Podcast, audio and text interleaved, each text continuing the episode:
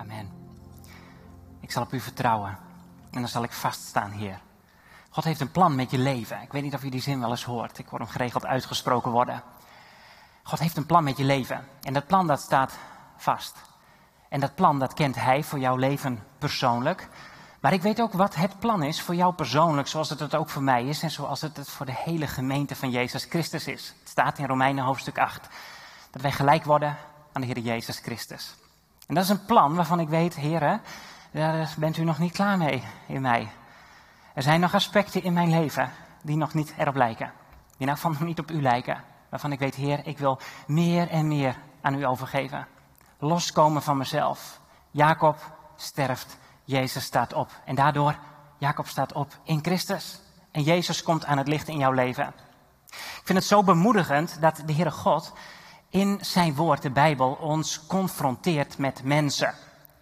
Alleen de Heer Jezus is niet naar deze wereld gekomen. Jazeker.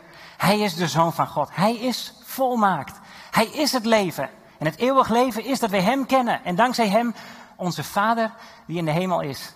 Maar Hij geeft ons ook in de Bijbel zoveel mensen die geloofshelden zijn, omdat ze hieraan vasthielden. Wij vertrouwen op God. En het zijn vaak mensen die door de allerdiepste dalen zijn gegaan. Vorige week lazen we met elkaar de geschiedenis van David, waarvan we zeiden die is eigenlijk in een, in een giftige setting geboren. En hij heeft ontdekt wie de Heere God is. Hij heeft ontdekt, ik wil me vasthouden aan hem. Met hem kan ik niet alleen Goliath aan, met hem spring ik over de hoogste berg, want hij is de schepper van hemel en aarde. Dat bemoedigt ons omdat wij zien, zo'n mens als David was, ja, dat ben ik ook. Een man van vlees en bloed. En net als David met lek en gebrek. Ik kan struikelen, maar de Heer richt me weer op. Zo kijken we vandaag ook naar het leven van een hele andere jongen. Ook een jonge man. En het begint op het moment dat hij nog maar 17 jaar oud is. En Laura Broekman is voor ons, voor de Heer, een prachtig schilderij aan het maken. En heb je het waarschijnlijk al gezien. We gaan vandaag kijken naar het leven van Jozef. Een schitterende mantel heeft hij gekregen van zijn vader. En het lijkt alsof zijn leven misschien wel op rolletjes loopt. Hij heeft toekomst. We zongen vanochtend voordat wij deze dienst openden, regeer in mij. In mijn mooiste droom en in mijn zwartste nacht. Nou, Jozef heeft wat gedroomd toen hij zo jong was. En hij had zich waarschijnlijk niet kunnen voorstellen dat zijn dromen, voordat ze uitkwamen, door de diepste nacht heen zouden gaan. Ik lees met jullie in Genesis hoofdstuk 37 het volgende. Jacob is dan al in Canaan gezetteld met zijn gezin. En dan staat er, toen Jozefs broers er eens op uitgetrokken waren, om de kudden van hun vader bij Sichem te laten grazen, zei Israël, dus Jacob, tegen Jozef, zoals je weet zijn je broers het vee aan het weiden bij Sichem. Ga jij eens naar hen toe? Goed, zei Jozef. En Jacob vervolgde, ga kijken hoe je broers het maken en hoe het met het vee staat en breng mij dan verslag uit. Zo stuurde Jacob hem vanuit de Hebronvallei naar Sichem. Toen Jozef daar in het veld rondwaalde, kwam, iemand, kwam hij iemand tegen die hem vroeg wie hij zocht. Ik ben op zoek naar mijn broers, antwoordde hij. Kunt u mij zeggen waar zij het vee aan het weiden zijn? Ze zijn hier niet meer, zei de ander. Ik hoorde hen zeggen dat ze naar Dothan wilden. Jozef ging zijn broers achterna en trof hen in Dothan aan.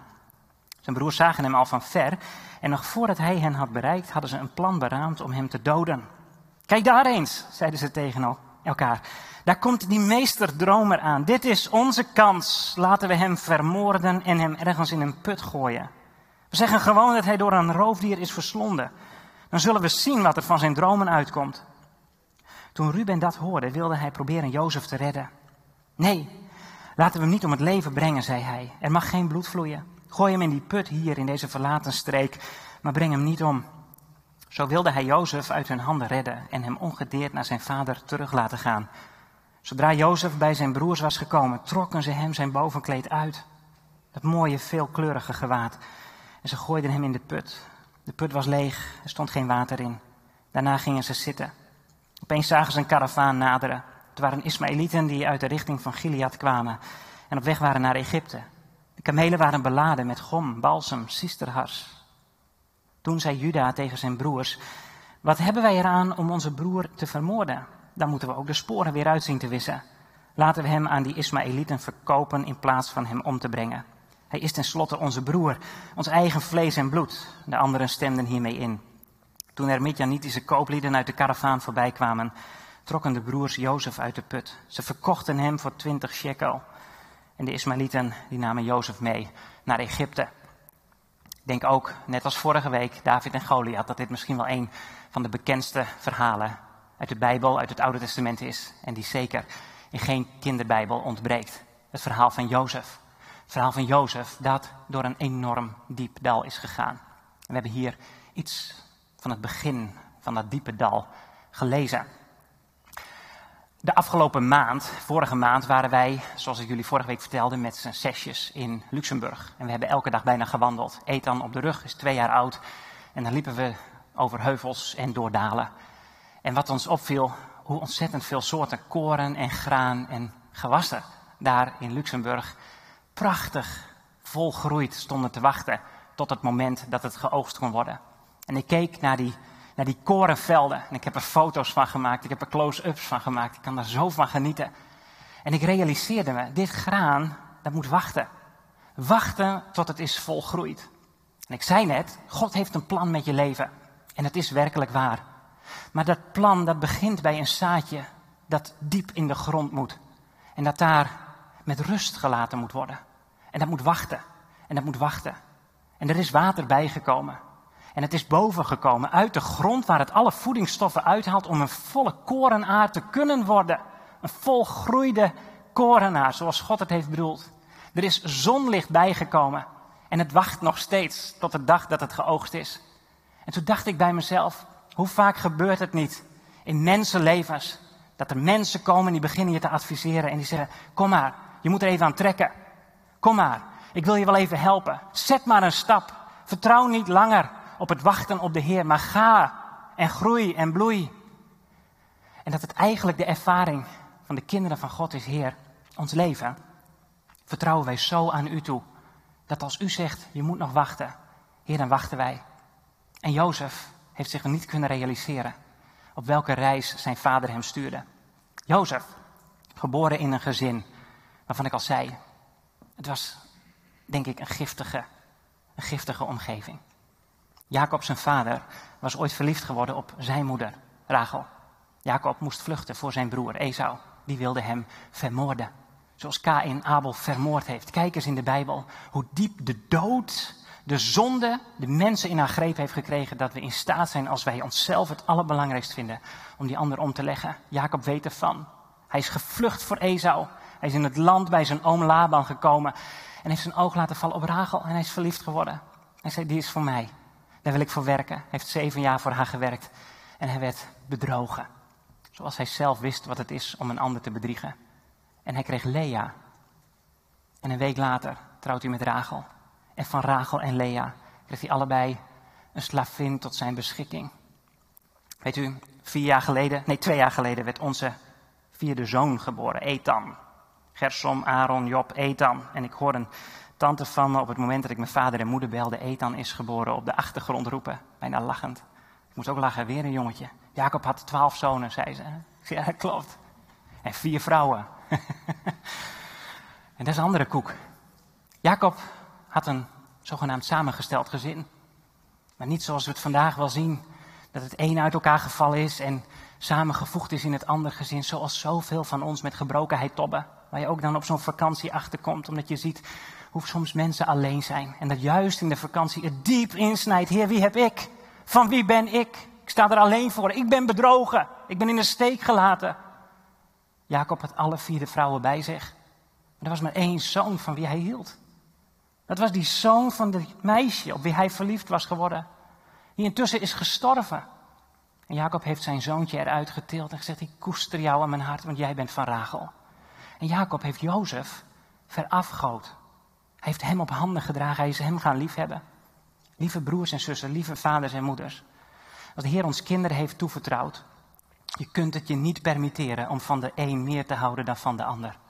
En als je ontdekt bij jezelf, ik heb er één uitgekozen, ga naar de Heer. Verontschuldig jezelf niet, maar zeg Heer, ik beleid, ik heb uw liefde nodig voor al mijn kinderen. Heb je kinderen lief? Dat betekent in eerste instantie houd van zijn haar vader en moeder. En ik weet hoe ontzettend moeilijk het is voor sommigen van jullie om nog te houden van de vrouw, van de man met wie je ooit het kind kreeg. Maar heb je kind lief en houd van die andere ouder. En ik weet het, inderdaad lukt het niet. Ga naar je vader in de hemel en zeg, Heer, ik heb uw liefde weer nodig. Want u was erbij toen onze kleine geboren werd. Maar permitteer het je niet om te laten gebeuren. Hoe je ook misschien samengesteld bent op dit moment. Om kinderen de dupe te laten zijn van wat jou en mij niet lukt. Onze kinderen zijn er niet om ons vol te maken. Wij zijn er om onze kinderen vol te maken. En het lukt ons niet. Lieve kinderen, als je meemaakt dat papa en mama misschien wel eens ruzie hebben. Of dat je merkt er is spanning in huis. Hoor dit vandaag. Het ligt niet aan jou.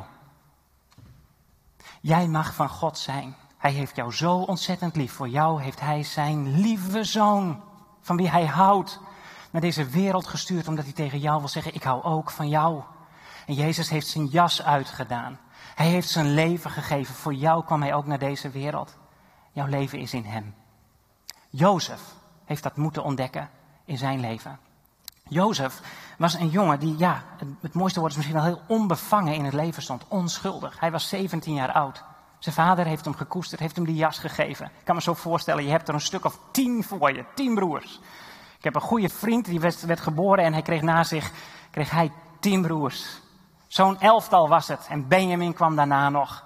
Maar deze jongens, die waren waarschijnlijk gewend. Ruben, jouw jas past je niet meer.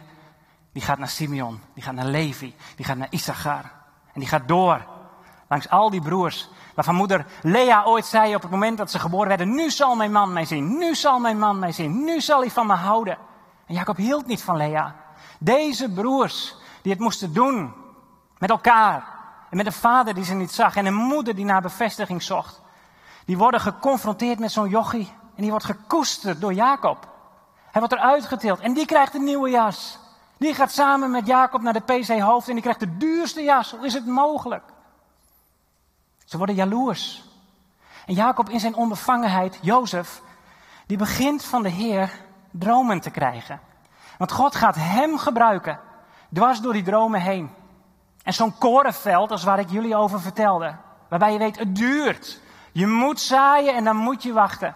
Van zo'n korenveld droomt hij. En hij ziet dat de oogst wordt binnengehaald en ze maken korenschoven. En dan zegt hij, lieve broers, moet je eens luisteren. Mijn korenschoven. Hij weet niet wat ze van hem vinden hoor. Mijn korenschoof, die, die ging rechtop staan. En jullie korenschoven, die bogen voor mij. Broers, moet je eens luisteren wat er in mijn dromen op mij afkomt. Zou het gaan gebeuren dat jullie voor mij op je knieën gaan? Leuk hè? Wat een droom hè? Onbevangen. Hij heeft niet doorgehad wat hij deed. Omdat hij de haat en de woede en, en, en het afgewezen worden thuis. Het niet krijgen van de bevestiging thuis, omdat hij het heeft aangewakkerd in de harten van zijn broers. Hij heeft gedroomd dat, dat, dat de zon en de maan en de sterren allemaal bogen voor hem. De kosmos voor Jozef op de knieën. Heeft het weer gedeeld met zijn vader en zijn broers. En hier krijgen ze de kans. Jozef komt eraan. En misschien is het je opgevallen.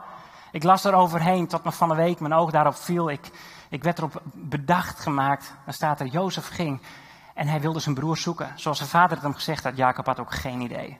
En zoekt Jozef erop uit. Hij weet niet wat voor haat er in zijn jongens zit. Wil jij gaan? Ja, ik ga. En hij zoekt ze. En hij vindt ze niet. 17 jaar oud. Nou, dan ga je terug naar huis. Maar dan is er iemand hij vond daar iemand. Zei, ik heb gehoord dat ze naar Dothan zijn gegaan. Er is een man die Jozef erop wijst dat zijn broers zijn doorgegaan. Deze man is van het grootste belang geweest in het reddingsplan dat God met deze wereld had. Was die man daar niet neergezet, dan was een groot volk verloren gegaan door de honger, omdat er een hongersnood zou gaan komen. Maar Jozef, zijn broers zien hem aankomen en ze zeggen, aha, daar is hij. In het Hebreeuws staat er letterlijk, in het Engels vertaald dan maar even, the Lord of the Dreams, de Heer van de dromen. We gaan hem vermoorden. Zo diep zit de haat. Omdat ze zelf niet gekend zijn. Ze gooien hem in de put. En Jozef wordt verkocht. Zoals onze Heer Jezus verkocht werd. En uit het leven werd weggeroofd. Zijn leven heeft gegeven. Wat gebeurt er met Jozef? In Jozef, in zijn leven, gebeurt voldoende, zou ik zeggen, om van hem een bittere man te maken. Een man die, die, die, die wrok heeft in zijn leven. Die onbevangenheid, die onschuld, die liefde voor zijn vader, voor zijn broers. Ja, natuurlijk ga ik er naartoe. Ik wil ze wel ophalen. Afgebroken, weggeroofd, verkocht. Wat hem betreft, wat zijn broers betreft, was hij dood geweest. Dat van Jozef een bittere, nare man geworden was. Die zijn hele leven had gezegd, ik moet niets meer hebben van het leven. En alle mensen die iets van mij willen, ze kunnen de pot op. Jozef wordt verkocht en hij komt in het huis van Potifar. En hij laat zien dat hij zijn leven niet laat leiden door wat hem is aangedaan. En dat vind ik zo'n grote bemoediging. Omdat ik weet hoe gemakkelijk het ons gebeurt dat wij leven door verwachtingen van ouders. Of verwachtingen van broers en zussen. Of verwachtingen die we van onszelf hadden. Jozef zegt, mijn leven is niet van mijn vader. Niet meer. Ik ben weggeroofd. Mijn leven is niet van mijn broers. Ik laat mijn leven niet leiden. Ik laat mij niet leven door anderen. Mijn leven is van mijn Heer. En hij komt in het huis van een Potifar. Hij wordt verkocht als slaaf. En in no time. Jozef was een slimme jongen. Weet hij zich op te werken in het huishouden. En hij krijgt de mooiste positie.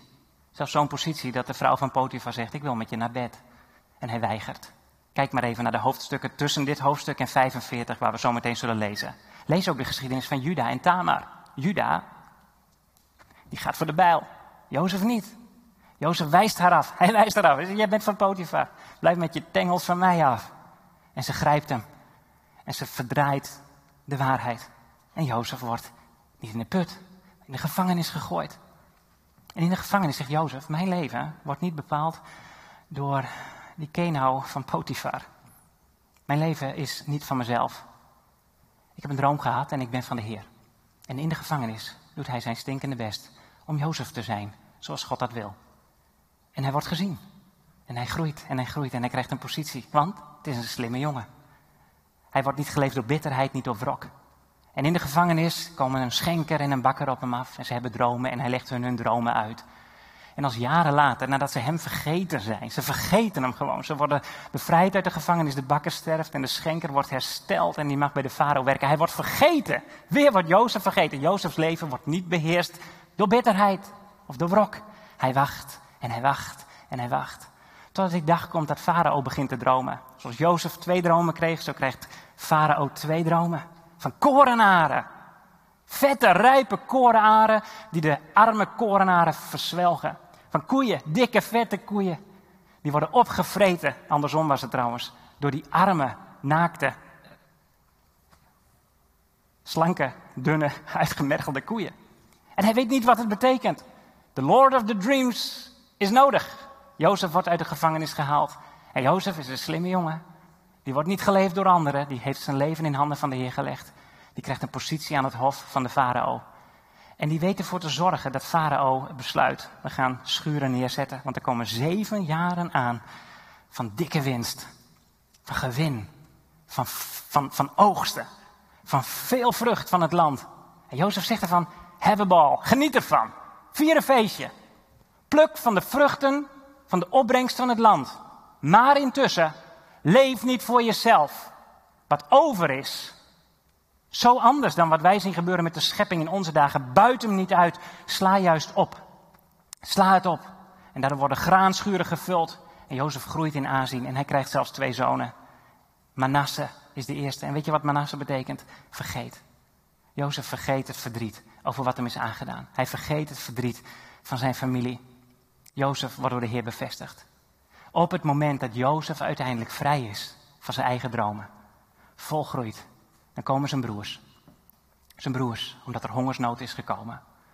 En, en hij verkoopt zijn graan vanuit die schuren. Hij herkent ze en zegt: Volgende keer dat jullie komen, dan kom je niet zonder je broer Benjamin. Hij houdt er één achter en hij geeft ze het geld mee terug. Je kent de geschiedenis, lees het na. En ze komen voor de tweede keer. Als Jacob eerst pertinent weigert om Benjamin, dat andere zoontje van Rachel, ook mee te geven. Maar dan verschijnen ze toch opnieuw, omdat de honger zo groot wordt. Benjamin is mee en Jacob, Jozef, die luistert er bijna opnieuw in. En hij zegt, ik ga Benjamin nu hier houden. Hij zal mijn slaaf zijn. En dan staat Juda op. Juda zegt, alsjeblieft, neem mij aan als slaaf. Diezelfde Juda die zei, we verkopen hem als slaaf. Die zegt nu, laat mij maar slaaf zijn in uw hofhouding. Maar laat Benjamin vrij. En dan gebeurt het volgende. Genesis 45. Er staat, toen kon Jozef zich niet langer goed houden tegenover allen die bij hem waren. Laat iedereen weggaan, riep hij. En zo was er niemand bij toen Jozef zijn broers vertelde wie hij was. Hij barstte in tranen uit en hij huilde zo luid dat de Egyptenaren het hoorden en dat het ook in het paleis van de farao te horen was. Hij zei tegen zijn broers, ik ben het, Jozef, leeft mijn vader nog? Zijn broers waren niet in staat antwoord te geven. Ze waren verlamd van schrik. Kom toch dichterbij, zei Jozef tegen hen. En daarop gingen ze dichter naar hem toe. Ik ben Jozef, zei hij. Jullie broer die jullie verkocht hebben, die naar Egypte is meegevoerd. Maar wees niet bang. Maak jezelf geen verwijten dat jullie mij verkocht hebben en dat ik hier ben terechtgekomen. Want God heeft mij voor jullie uitgestuurd om jullie leven te redden. De hongersnood teistert het land nu al twee jaar en ook de komende vijf jaar zal er niet geploegd of geoogst worden. God heeft mij voor jullie uitgestuurd om jullie voortbestaan op aarde veilig te stellen. En zo wilde hij veel levens redden. Niet jullie hebben mij dus hierheen gestuurd, maar God. Door hem ben ik de belangrijkste raadsman van de farao geworden. De bestuurder van zijn hele hof en heerser over heel Egypte. Ga onmiddellijk terug naar mijn vader en zeg tegen hem dat zijn zoon Jozef hem het volgende laat weten. God heeft mij heer over heel Egypte gemaakt. Kom zo snel mogelijk naar mij toe. U kunt in Gozen wonen, dicht bij mij, met uw kinderen, uw kleinkinderen, uw schapen, uw geiten, uw runderen en wat u verder maar bezit. Ik zal u daar onderhouden, want de hongersnood zal nog vijf jaar duren. Dan hoeft u geen gebrek te lijden, u niet, en ook uw familieleden en uw dienaren niet. Tot slot zei Jozef, jullie allemaal, ook jij, Benjamin, zien met eigen ogen dat ik het zelf ben die hier met jullie spreekt. Vertellen jullie mijn vader dus hoeveel aanzien ik in Egypte geniet en alles wat jullie gezien hebben en laat hem dan zo gauw mogelijk hierheen komen. Daarop viel hij zijn broer Benjamin om de hals. Beiden huilden. Jozef kuste al zijn broers, terwijl hij zijn tranen de vrije loop liet. Pas toen waren zijn broers in staat iets tegen hem te zeggen. Tot zover. Kijken naar een korte impressie van deze geschiedenis.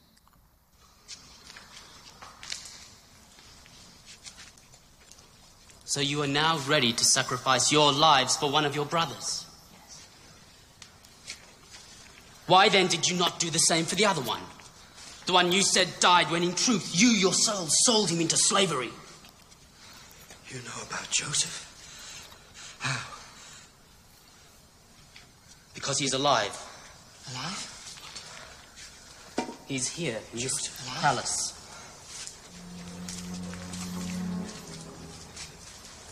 In fact, he's in this room.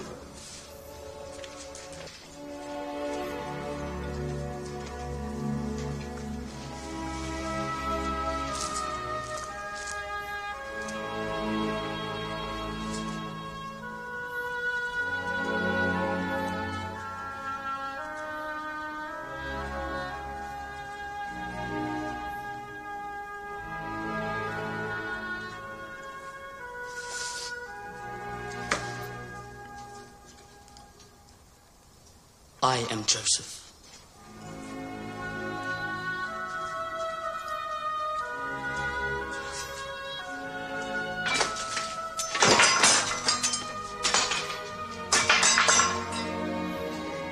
Joseph. It is my brother Joseph.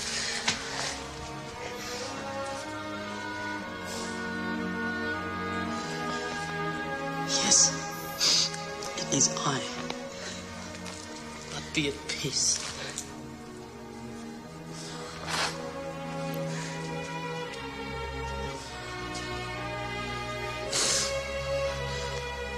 Come closer.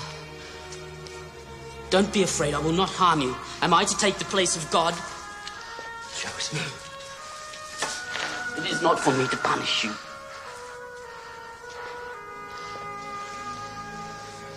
You meant evil against me, yes.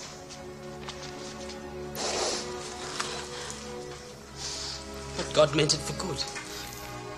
To bring it about that many people should be kept alive as they are today.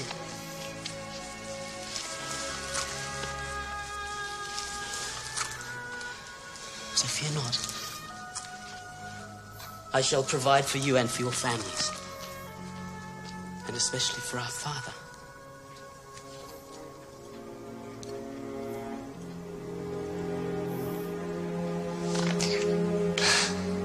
I must have played.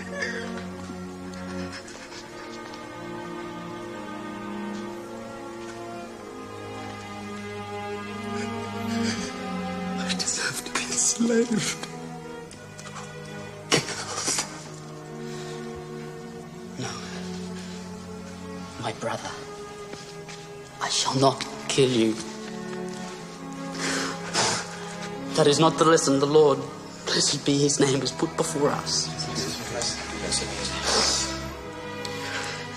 Perhaps we have learned the meaning of brotherhood, of family, and that wherever we may go, no matter how God's plan separates us, we must always be true to one another. To be family.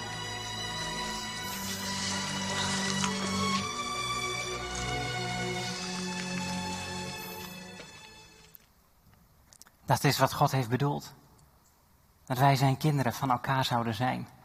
Voor eeuwig en altijd. Zie je wat Jozef zegt tegen zijn broers? Ik word niet geleefd meer door jullie. Het is niet boosheid of bitterheid. Ik heb het al lang aan God gegeven. Hij zegt het drie keer. Het is God die mij vooruit stuurde. Weet je nog die man die ooit zei, je broers zijn hier niet. Ze zijn in Dothan. Jozef geeft het aan de Heer. Het is God die mij vooruit stuurde, want hij wilde een groot volk in het leven bewaren. Jozef is gestopt, als hij het al deed, om te leven voor zichzelf. En hij is vrij geworden. En God heeft hem bevestigd. Want God zegt, ik leef voor jou. Er komt een dag aan. Zacharia hoofdstuk 12. Dat Jezus naar deze wereld komt. En hij zal zijn voeten op de olijfberg zetten. En dan zal zijn volk Israël zich omkeren naar hem. Ze zullen hem zien, die zij doorstoken hebben, staat er. Ze zullen zich op de borst slaan. Ze zullen zich bekeren tot hem. En je hoort het Jezus zeggen, ik ben Jezus, die jullie vervolgd hebben. Deze dag komt eraan. Lieve broer, lieve zus, dat is de dag waarop Hij ons ook voorbereidt. Dat wij Hem zullen zien zoals Hij is. En je mag weten, Jezus kwam naar deze wereld om zijn leven te geven. En de zonde die in jou en mijn hart was, de zonde die deze broers deden, God draait het om. En hij zegt, ga nu met heel je hart voor mij leven. En weet je, als dat gebeurt in jouw leven, dan ontdek je, God kan mij nieuwe liefde geven. God, God kan mij laten opstaan. God kan mij bewogenheid geven, zoals door mensen die mij soms het meest erge hebben aangedaan. Want ik leef niet voor hun, maar ik leef in Jezus' naam. Jozef is ons voorgegaan. Jozef is een mens zoals jij en ik dat zijn. Laat je dus bemoedigen, want God heeft hem gebruikt om een voorbeeld te zijn van wie uiteindelijk de Heer Jezus in het volmaakte is. En dan komt het mooie. Als Jezus in jouw hart gaat wonen, dan weet ik niet wanneer die oogst in jouw leven komt. De velden zijn wit om te oogsten, zegt de Heer Jezus. En het is ons gebed dat Hij nog veel mensen binnenhaalt. Dat hij zich gaat bereiken met de liefde van God in zijn hart. Maar dat jij ontdekt, ik ben al zo van Jezus. Mijn leven wordt volmaakt door Hem. Hij is mijn Heer. Ik leef niet meer voor mezelf. Ik leef niet meer voor de verwachtingen van mijn vader of moeder. Van wat anderen mij wilden opleggen of mij wilden aandoen. Ik ben vrij. Ik ben vrij in Jezus' naam. En als dat gebeurt, dan gaan we het meemaken. Dat we klaar zijn op de dag dat Jezus de gemeente straks tot zich neemt. En de rest van de schepping in afwachting wordt van die dag dat Jezus komt en de hele schepping hem zal zien. Gods plan komt altijd tot uitvoer. We gaan het zien. Volg Jozef in zijn weg en geef je hart aan Jezus in elk opzicht. Amen.